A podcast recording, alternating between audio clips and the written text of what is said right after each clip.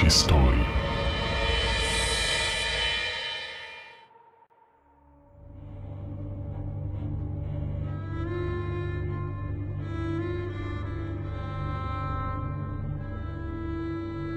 Tajemnicza historia średniowiecznej rodziny kanibali stała się jedną z najmroczniejszych szkockich legend.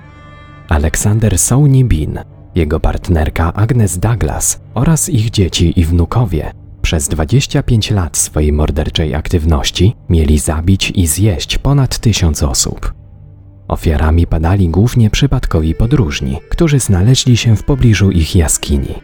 W polowaniach na ludzi, a potem w krwawych ucztach udział brały nawet najmłodsze dzieci. Z resztek, których nie zjedli, tworzyli zapasy na zimę. Dopiero interwencja samego króla Szkocji, Jakuba I, położyła kres tym okrutnym zbrodniom. Binowie dopuścili się czynów tak przerażających, że do dziś niektórzy szkoccy historycy wątpią w ich autentyczność. Pojawiły się nawet sugestie, że cała ta mroczna historia została wymyślona przez Anglików, chcących w ten sposób zdemonizować Szkotów, przedstawiając ich jako naród dzikich, barbarzyńskich kanibali.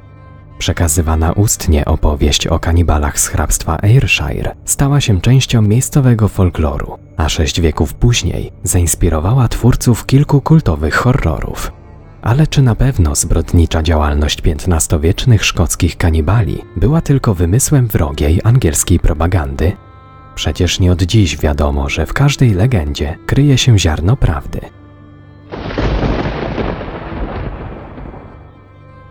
Są Nibin i ród szkockich kanibali.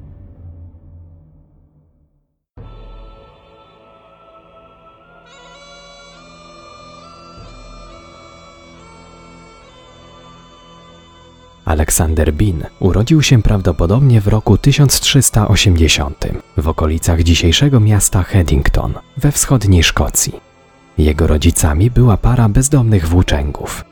Oboje chwytali się wszystkich możliwych dorywczych prac, ledwo pozwalających im na przeżycie. Ojciec zajmował się naprawianiem dróg i mostów. Czasami zatrudniano go do kopania rowów lub ścinania drzew. Matka trudniła się najczęściej pracami ogrodowymi. Nie mieli łatwego życia. Z całym swoim dobytkiem wciąż przenosili się z miejsca na miejsce. Kiedy na świat przyszedł ich syn, życie włóczęgów stało się jeszcze trudniejsze. Za ich usługi płacono coraz mniej, więc aby zarobić na jedzenie, potrzebowali dodatkowych rąk do pomocy. Od najmłodszych lat Aleksander musiał towarzyszyć ojcu przy pracy. Państwo Bin uchodzili za ludzi uczciwych i bardzo pracowitych, jednak syn był ich całkowitym przeciwieństwem. Z każdym kolejnym rokiem stawał się coraz bardziej leniwy i coraz mniej skłonny do pomocy rodzicom. Jako nastolatek, zamiast pracować, przesiadywał w karczmach. W końcu opuścił rodzinę. Przemierzając Szkocję, wiódł życie takie, jakiego zawsze pragnął, pełne zabaw, pijaństwa i kobiecego towarzystwa. Aby zdobyć na to pieniądze, dopuszczał się drobnych kradzieży. Z tego powodu niemal bez przerwy musiał uciekać przed ścigającymi go stróżami prawa. Podczas jednego z takich pościgów poznał i uwiódł kobietę. Agnes Douglas była pod tak wielkim wrażeniem młodego awanturnika i włóczęgi, że postanowiła towarzyszyć mu w jego ucieczkach. Szybko okazało się, że oboje mają podobne poglądy na temat ciężkiej pracy.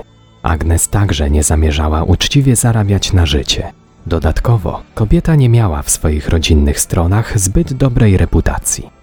Przez miejscowych nazywana była Czarną Agnes. Co więcej, nawet jej rodzina posądzała ją o bycie czarownicą. Gdy z okolicznych pastwisk zaczęły znikać owce, ludzie od razu domyślili się, że była to sprawka czarów. W ostatniej chwili Aleksander i Agnes uciekli przed płonącym już stosem. Jak się później okazało, podejrzenia mieszkańców nie były bezpodstawne. Nie chodziło jednak o czary, ale o głód. Bezrobotna para kradła owce, aby zapewnić sobie pożywienie. Czarna magia nie miała ze znikaniem zwierząt nic wspólnego.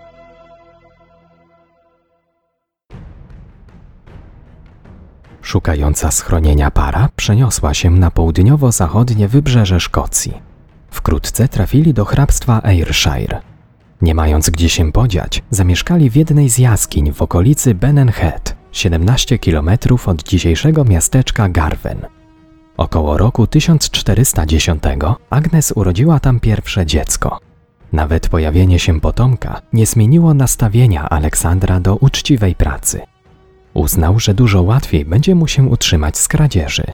Aby zapewnić byt swojej rodzinie, zaczął on napadać na podróżnych i kupców, którzy mieli nieszczęście przejeżdżać w pobliżu. Zamieszkana przez Binów jaskinia doskonale nadawała się na kryjówkę dla rabusiów. Głęboka na ponad 200 metrów, podzielona licznymi komnatami i tunelami, stała się bezpiecznym schronieniem dla szybko powiększającej się rodziny. O dodatkowe zabezpieczenie zadbała także natura. Wejście do groty było otwarte wyłącznie w czasie odpływów. Wkrótce zwykłe rabunki okazały się niewystarczające do zapewnienia pożywienia wszystkim członkom rodziny. Starsze dzieci dorastały, rodziły się nowe i wszystkie domagały się jedzenia. Aleksander zmuszony został do zwiększenia liczby napadów. Jednocześnie zdawał sobie sprawę, że okradzione przez niego osoby wcześniej czy później doprowadzą do niego stróżów prawa. Aby tego uniknąć, zaczął mordować ludzi, na których napadał. W celu ukrycia swoich zbrodni ciała zabierał do jaskini. Szybko okazało się, że dochody z napadów nie wystarczały do napełnienia żołądków stale rozrastającej się rodziny, a o podjęciu jakiejkolwiek pracy Aleksander nawet nie myślał. Niedostateczne ilości jedzenia sprawiły, że ofiary rabunków zaczęły wkrótce trafiać na stół binów. To, czego nie można było zjeść, wyrzucano do wód Zatoki Morza Irlandzkiego. Gdy w niewyjaśnionych okolicznościach zaczęli znikać także miejscowi, opowieści o tajemniczych zaginięciach szybko opanowały całą okolicę. Coraz mniej ludzi zapuszczało się w te rejony, a ci, którzy musieli tamtędy przejechać, podróżowali w kilkuosobowych grupach. Gdy fale zaczęły wyrzucać na brzeg ludzkie szczątki, miejscowi uznali, że w Ayrshire grasuje bestia z piekła rodem.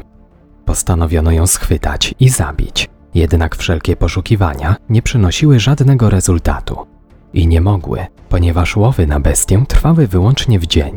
Tymczasem Bin polował tylko w nocy i od pewnego czasu nie był sam. W atakach na ludzi pomagały mu jego dzieci. Ośmiu synów i sześć córek utworzyło wyspecjalizowaną grupę myśliwych. Ich liczba była wystarczająca do tego, aby każdej otoczonej przez nich ofierze skutecznie odciąć drogę ucieczki. Celem Aleksandra i jego pociech były wyłącznie małe grupki ludzi. Czaili się na nich w zaroślach przy drodze.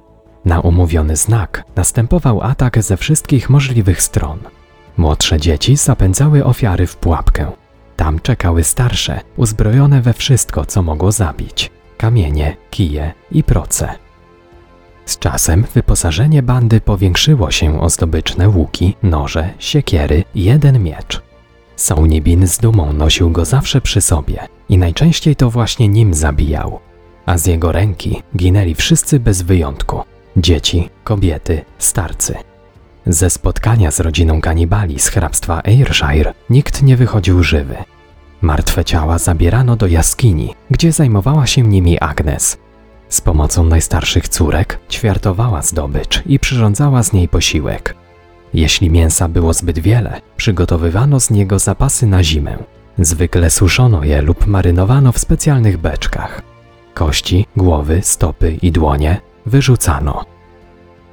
Tymczasem mijały kolejne miesiące i lata.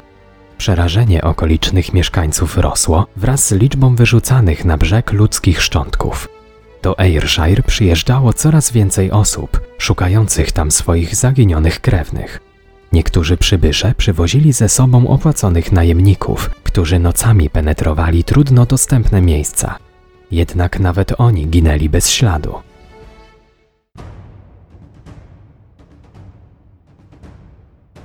W całym regionie zapanowała tak wielka psychoza strachu, że ludzie zaczęli się wzajemnie oskarżać. Najbardziej ucierpieli na tym miejscowi karczmarze, ponieważ często to właśnie w karczmach zaginione osoby były widywane po raz ostatni. Pojawiły się plotki o tym, że nocami mordują swoich gości, a ich poćwiartowane ciała podrzucają na brzeg zatoki. Mówiono także, że są oni w zmowie z grasującą w okolicy bestią, której podsyłają kolejne ofiary. Podobne oskarżenia doprowadziły wkrótce do pierwszych samosądów. Karczmarzy bito, a ich gospody podpalano. Kilku najbardziej podejrzanych powieszono. Te bezlitosne prześladowania sprawiły, że niemal wszyscy szynkarze opuścili hrabstwo, przenosząc się w spokojniejsze rejony kraju. Brak karczmarzy dał się szybko odczuć. Opuszczone gospody nie oferowały już noclegu zmęczonym podróżnym. Nie było gdzie zjeść i odpocząć. Region z każdym dniem wyludniał się coraz bardziej, a mimo to nadal pojawiały się wieści o kolejnych zaginionych osobach. Wkrótce w Ayrshire zapanował jeszcze większy chaos. Nie było miesiąca, w którym nie doszłoby do kilku zaginięć. Kiedy nie można było już o wszystko obwiniać nieobecnych karczmarzy, ludzie skierowali swoje podejrzenia w stronę swoich sąsiadów. Wystarczyło jedynie nieuzasadnione niczym podejrzenie, aby niewinny człowiek został powieszony lub ścięty, i to bez jakiegokolwiek przesłuchania lub procesu. Bardzo często jedyną winą takiej osoby było wyłącznie to, że z jego rodziny nikt jeszcze nie zaginął, podczas gdy jego sąsiedzi stracili już kilku bliskich.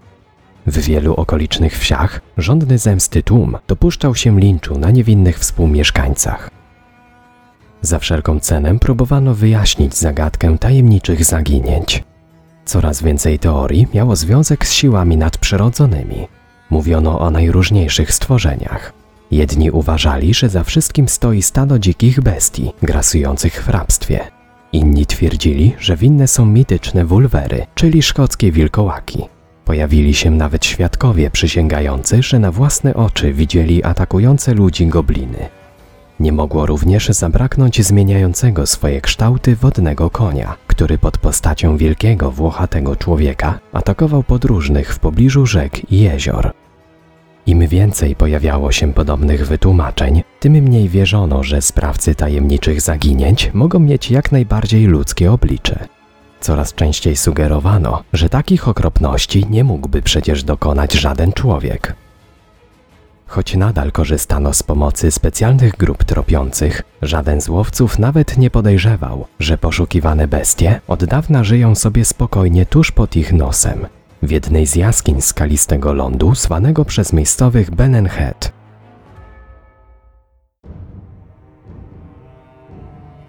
Tymczasem rodzina Binów doskonaliła swój morderczy proceder. Zmienił się także sposób zastawiania przez nich pułapek. Niedaleko swojej jaskini wykopali kilka dołów. Podczas polowań ukrywały się w nich najmłodsze dzieci Aleksandra. Przykryte gałęziami czekały na odpowiedni moment do ataku. Gdy tylko potencjalna ofiara zbliżyła się do takiej pułapki, małe i niezwykle szybkie istoty wybiegały ze swoich kryjówek, a następnie wskakiwały na konie lub wozy. W ułamku sekundy podróżni byli ściągani na ziemię, zanim jeszcze zdążyli się zorientować, że zostali zaatakowani przez chmarę dzieci. Wówczas do akcji wkraczali starsi synowie. Sprawnie obezwładniali, a następnie mordowali schwytane ofiary zwykle za pomocą kamieni lub siekier. Na końcu pojawiał się sam Aleksander, który sprawdzał, czy wszystkie zdobycze zostały skutecznie pozbawione życia. Jeśli komukolwiek udało się przeżyć taki atak, Sauni dobijał go osobiście za pomocą swojego miecza. Martwe ciała zabierano do jaskini, rozczłonkowywano i przyrządzano z nich najróżniejsze potrawy. Niedojedzone resztki trafiały do beczek jako zapasy na gorsze czasy. Rodzina kanibali z hrabstwa Ayrshire wciąż się rozrastała. Poprzez kazirodcze stosunki synów z matką oraz córek z ojcem, a także rodzeństwa między sobą, rodziły się wnuki. Łącznie przez 25 lat swojej morderczej działalności Aleksander i Agnes doczekali się ośmiu synów, sześć córek, 18 wnuków i 14 wnuczek. Jesienią 1434 roku klan Binów liczył już 48 osób, to oznaczało więcej żołądków do wykarmienia. Tymczasem liczba podróżnych pojawiających się w hrabstwie drastycznie spadła, a jeśli już ktoś decydował się tamtędy przejeżdżać, był natychmiast ostrzegany przez miejscowych, aby robił to w dzień. Przy tak licznej rodzinie zgromadzone zapasy szybko się skończyły. Na początku 1435 roku w oczy Binów zajrzał głód, jakiego do tej pory nie zaznali. Podzielone na kilka grup, dzieci i wnuki Aleksandra całymi nocami niecierpliwie czekały w ukryciu na jakichkolwiek wędrowców. Na próżno. Mijały kolejne tygodnie, a nowe zdobycze nie przejeżdżały przez miejsca, w których przygotowano zasadzki. Przez całą zimę nie zanotowano w hrabstwie Ayrshire żadnych podejrzanych zaginięć. Morze przestało wyrzucać na brzeg kawałki ludzkich ciał. Taka sytuacja miała miejsce po raz pierwszy od 25 lat. Do tej pory nie było miesiąca, w którym nie doszłoby do co najmniej kilku takich przypadków. Co prawda, nikt wówczas nie liczył osób, które nagle zniknęły bez wieści, jednak później oszacowano, że każdego roku dochodziło w tym regionie do około 40 takich zaginięć. Nic więc dziwnego, że wraz z nadejściem wiosny 1435 roku mieszkańcy zgodnie uznali, że groźne bestie wyniosły się z hrabstwa.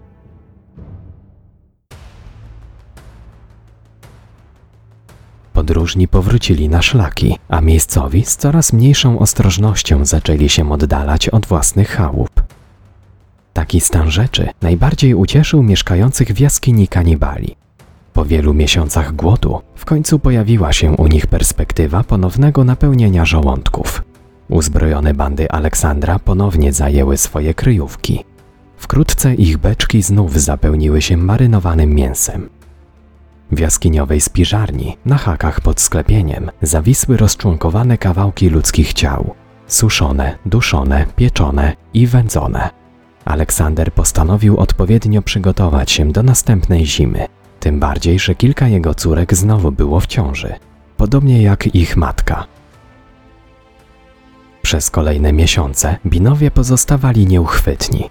Atakowali wyłącznie w nocy, niezauważeni przez nikogo nie zostawiali świadków.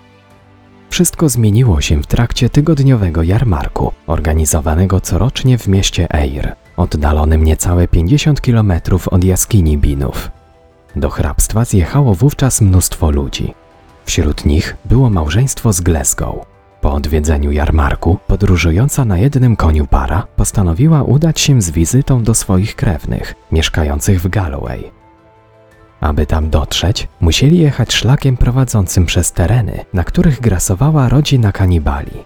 Zanim dotarli w pobliże ich jaskini, zapadła noc. Ukryci jak zawsze, binowie czekali w ciszy na swoje nowe ofiary. Gdy tylko Aleksander dostrzegł jadącą parę, dał grupie swoich najmłodszych potomków sygnał do ataku. Chwilę później gromada małych dzieci doskoczyła do pary wędrowców. Spłoszony koń zrzucił kobietę ze swojego grzbietu. Wpadając prosto w ręce swoich oprawców, wydała z siebie przeraźliwy krzyk. Wtedy do akcji wkroczyło kilku starszych pomocników. Ich zadaniem było jak najszybsze pozbawienie życia napadnięte ofiary. Kobieta zginęła, gdy jej głowa została zmiażdżona obuchem siekiery. Mężczyzna wiedział, że jeśli nie stawi oporu, to szybko podzieli los swojej żony. Błyskawicznie wyciągnął miecz przytroczony do siodła, a następnie odskoczył na bezpieczną odległość. W tym samym momencie w jego stronę poleciały rzucone kamienie. Z powodu panującej ciemności, celność napastników pozostawiała wiele do życzenia. Większość kamieni minęła swój cel, ale jeden trafił go w głowę. A mimo to mężczyzna nie upadł. Choć lekko zamroczony, nadal desperacko wymachiwał swoim mieczem. Chwilę później usłyszał najpierw odgłos spuszczanej cięciwy łuku, a tuż po nim świst przelatującej obok jego ucha strzały. Wiedział, że nie ma najmniejszych szans w starciu z tak liczną grupą oprawców. Pogodzony z losem czekał na śmierć. Wtedy niespodziewanie przyszło wybawienie. Nagle dzikie odgłosy wydawane przez atakujących zostały przerwane przez coraz głośniejszy śpiew. Do miejsca ataku na parę zbliżyło się około 30 pijanych mężczyzn. Wracali właśnie z wiejskiego festynu, a drogę do rodzinnej wsi postanowili umilić sobie piosenkami o tym, co zrobiliby Anglikom, gdyby ci wpadli w ich ręce. Broniący się mężczyzna zaczął wtedy krzyczeć i wzywać pomocy. Chwilę później grupa pijanych śpiewaków biegła w jego stronę z bojowym okrzykiem na ustach.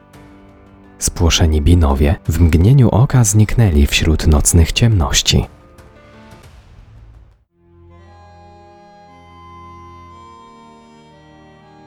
Mężczyzna został zabrany do siedziby lokalnych władz.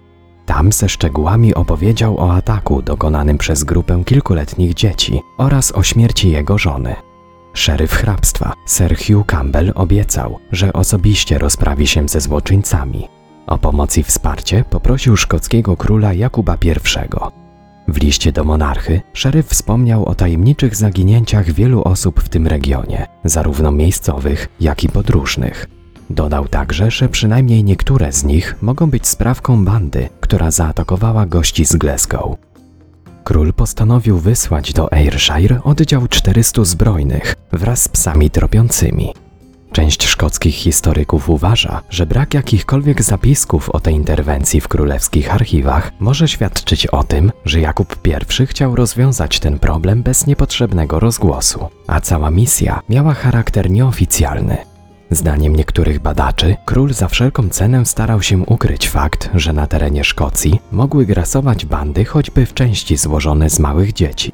Taki fakt z pewnością zostałby szybko wykorzystany przez wrogą angielską propagandę. Żołnierze dotarli na miejsce cztery dni później. Natychmiast rozpoczęli poszukiwania. Sprawdzano okoliczne lasy i gęstwiny. Zaglądano do jaskiń oraz w każde inne miejsce, które mogło stanowić potencjalną kryjówkę bandy zbójów. Początkowo nie natrafiono na żadne ślady, jednak przeczesując skalistą plażę Bolkrukenport, niedaleko wsi Kolmonel, znaleziono wyrzucone na brzeg ludzkie szczątki. Psy natychmiast podjęły trop, doprowadzając żołnierzy do pobliskiej jaskini. Po wejściu do środka okazało się, że jest ona całkowicie pusta. Nie było w niej żadnych śladów ludzkiej obecności. Zdecydowano się opuścić to miejsce, aby kontynuować poszukiwania w innym rejonie. Dowódca wydał rozkaz odwrotu, jednak chwilę później wszystkie psy wbiegły przez wąskie przejście do następnej komory, a będąc w niej nie przestawały szczekać. Żołnierze postanowili więc sprawdzić, co znajduje się głębiej. Gdy tam weszli, poczuli zapach przypominający rozkładające się zwłoki. Na początku delikatny, ale im głębiej szli, tym mocniejszy stawał się smród zgnilizny i zaprowadził poszukiwaczy do kolejnej komory. Była ona usytuowana znacznie wyżej niż dwie pierwsze. Po zapaleniu pochodni żołnierze zaczęli wchodzić do niej stromym korytarzem. Po dojściu na miejsce dokonano makabrycznego odkrycia. Na hakach pod sklepieniem wisiały rozczłonkowane części ludzkich ciał. Nieco głębiej stały drewniane beczki, pełne gnijących odpadów. Beczki w następnej komorze zawierały porcjowane mięso, marynowane, wędzone i suszone. Na płaskiej kamiennej ławie leżało kilka świeżych ludzkich korpusów. Żołnierze byli przerażeni. Nie spodziewali się tego, że szukając bandy zbójów i morderców, znajdą jaskinię kanibali. Z komory będącej spiżarnią wychodziły trzy wąskie korytarze. Z jednego z nich dobiegał cichy szmer i dziecięcy płacz. Idąc tym tropem, łowcy doszli do największej komory, w niej natrafiono na kilkudziesięcioosobową grupę ludzi w różnym wieku. Najmłodsze z dzieci nie miały więcej niż kilka miesięcy. Ku zaskoczeniu uzbrojonych żołnierzy, wszyscy mieszkańcy jaskini poddali się bez walki. Najstarszy z aresztowanych przedstawił się jako senior rodu, a następnie nakazał wszystkim swoim potomkom opuszczenie jaskini i udanie się tam, gdzie wskażą im uzbrojeni przybysze. Aleksander Souni-Bin, jego partnerka Agnes Douglas oraz ich dzieci i wnukowie zostali natychmiast związani i wyprowadzeni na zewnątrz. Z jaskini wyniesiono wszystkie ludzkie szczątki oraz cały dobytek odnalezionej rodziny kanibali. Wszystko to zostało spalone. Gdy zgasł ogień rozpalonego na plaży stosu, wszyscy aresztowani zostali poprowadzeni w kierunku Edynburga. Koszmar w hrabstwie Ayrshire dobiegł końca, ale koszmar Binów dopiero się rozpoczynał.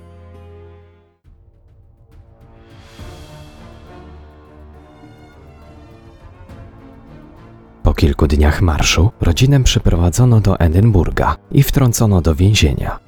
Tam mieli czekać na osądzenie. Jednak po zapoznaniu się ze skalą ich zbrodni, władze uznały, że wina oskarżonych była oczywista. Wtedy zadecydowano, że proces kanibali jest zbędny i mógłby niekorzystnie wpłynąć na wizerunek Szkocji. Wyrok dla takich zwyrodnialców mógł być tylko jeden śmierć w męczarniach, tak okrutna jak zbrodnie, których dopuścili się Binowie. Początkowo planowano oszczędzić najmłodsze dzieci. Szybko jednak uznano, że jest to działanie bezcelowe. Większość z nich nie umiała nawet mówić. Jako, że od urodzenia przyzwyczajone były zarówno do zbrodni, jak i do jedzenia ludzkiego mięsa, władze nie widziały żadnej możliwości na przywrócenie ich do życia w społeczeństwie. Ostatecznie postanowiono, że śmierć dosięgnie wszystkich kanibali, bez względu na ich wiek. Publiczną egzekucję podzielono na trzy etapy, a na miejskim rynku ustawiono trzy wielkie stosy. Pierwszy, który podpalono, przeznaczony był dla najmłodszych członków rodu. Kaci pilnowali, aby wszyscy dorośli dokładnie widzieli, jak ich dzieci zostają wrzucone żywcem do ognia. Gdy umilkły ich krzyki, podpalono drugi stos, w którym spłonęły kobiety. Na koniec Aleksander i jego dorośli synowie zostali poddani torturom. Kat najpierw odciął im języki za jedzenie ludzkiego mięsa, później dłonie i stopy za dokonane morderstwa. Ostatnim etapem tego makabrycznego spektaklu było pozbawienie każdego ze skazańców przyrodzenia, za to, że obcując cieleśnie z członkami własnej rodziny, dopuścili się oni zbrodni przeciwko Bogu. Z powodu wykrwawienia mężczyźni zmarli, zanim ich ciała zostały wrzucone do trzeciego stosu. Podobno żaden z nich nie wykazał przed śmiercią jakiejkolwiek skruchy czy żalu. Umierający w męczarniach Aleksander miał krzyczeć, że wielu tak robi jak oni i że to się nigdy nie skończy. Gdy na rynku w Edynburgu zgasł ostatni płomień, narodziła się jedna z najmroczniejszych szkockich legend, opowiadająca o rodzinie kanibali, która przez ćwierć wieku zabiła i zjadła około tysiąca osób. Ale czy wszystkie elementy tej historii są prawdziwe?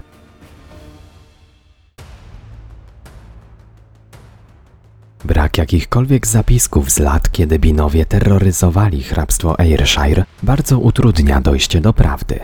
Nieznana jest dokładna data ani schwytania, ani późniejszej egzekucji kanibali.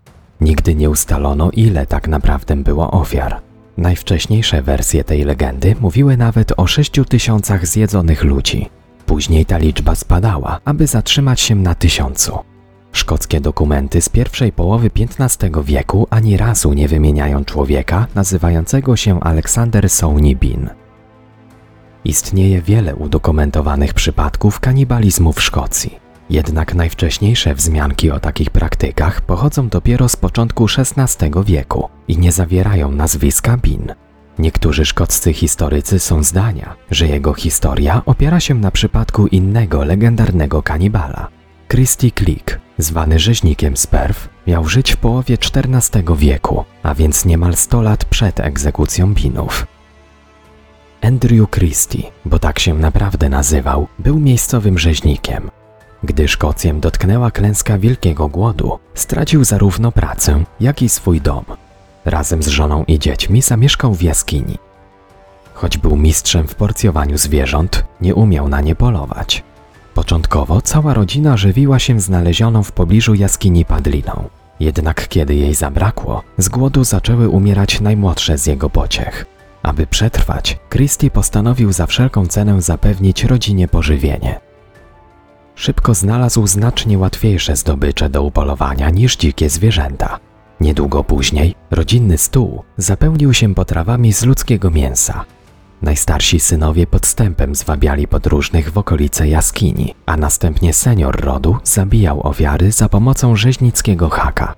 W ten sposób życie straciło co najmniej 30 osób. Gdy działalność rodziny wyszła na jaw, władze Perf wysłały przeciwko kanibalom zbrojny oddział. W czasie obławy życie straciła żona i dzieci Christy Klika. On sam zdołał uciec i ukryć się gdzieś na szkockich wyżynach. Podobno nigdy go nie odnaleziono, a wszelki słuch po nim zaginął. Wiele podobieństw pomiędzy życiem tych dwóch kanibali podzieliło szkockich historyków. Jedni uważają, że były to dwa zupełnie różne przypadki. Twierdzą przy tym, że brak procesu oraz jakichkolwiek wzmianek o wysłaniu przez króla żołnierzy do hrabstwa Ayrshire świadczy jedynie o tym, że Szkoci celowo nie pozostawili dowodów tych makabrycznych zbrodni. Postąpili tak w obawie przed wykorzystaniem całej historii przez angielską propagandę. Przeciwnicy tej teorii sugerują jednak, że wcześniejsze relacje o kanibalach z Perw dały początek legendzie o rodzinie Binów. Dodają przy tym, że została ona wymyślona przez Anglików i to właśnie oni ją później rozpowszechnili. Zadaniem tej makabrycznej opowieści było ukazanie ich północnych sąsiadów jako dzikich i barbarzyńskich kanibali, których koniecznie trzeba podbić i ucywilizować.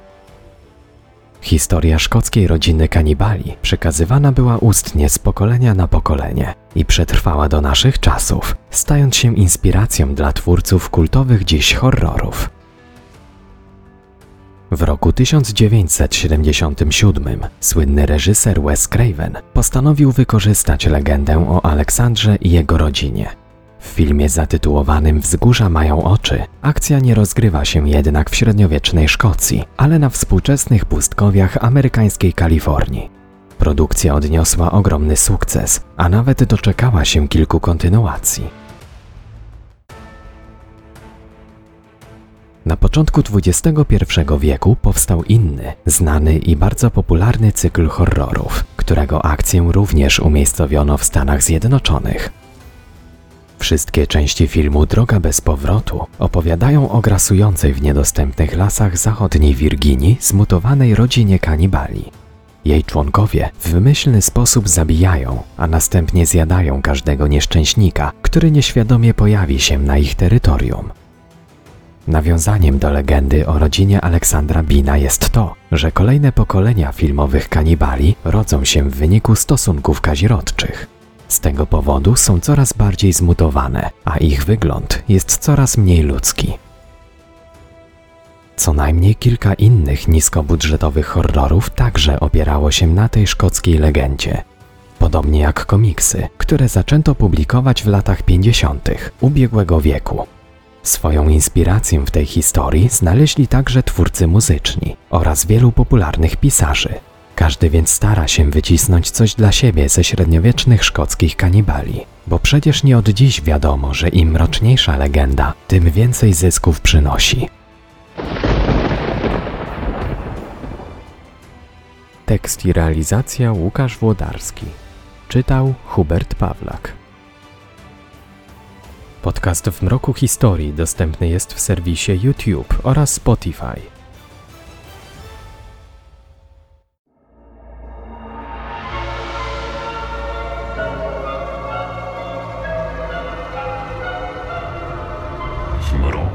W mroku historii.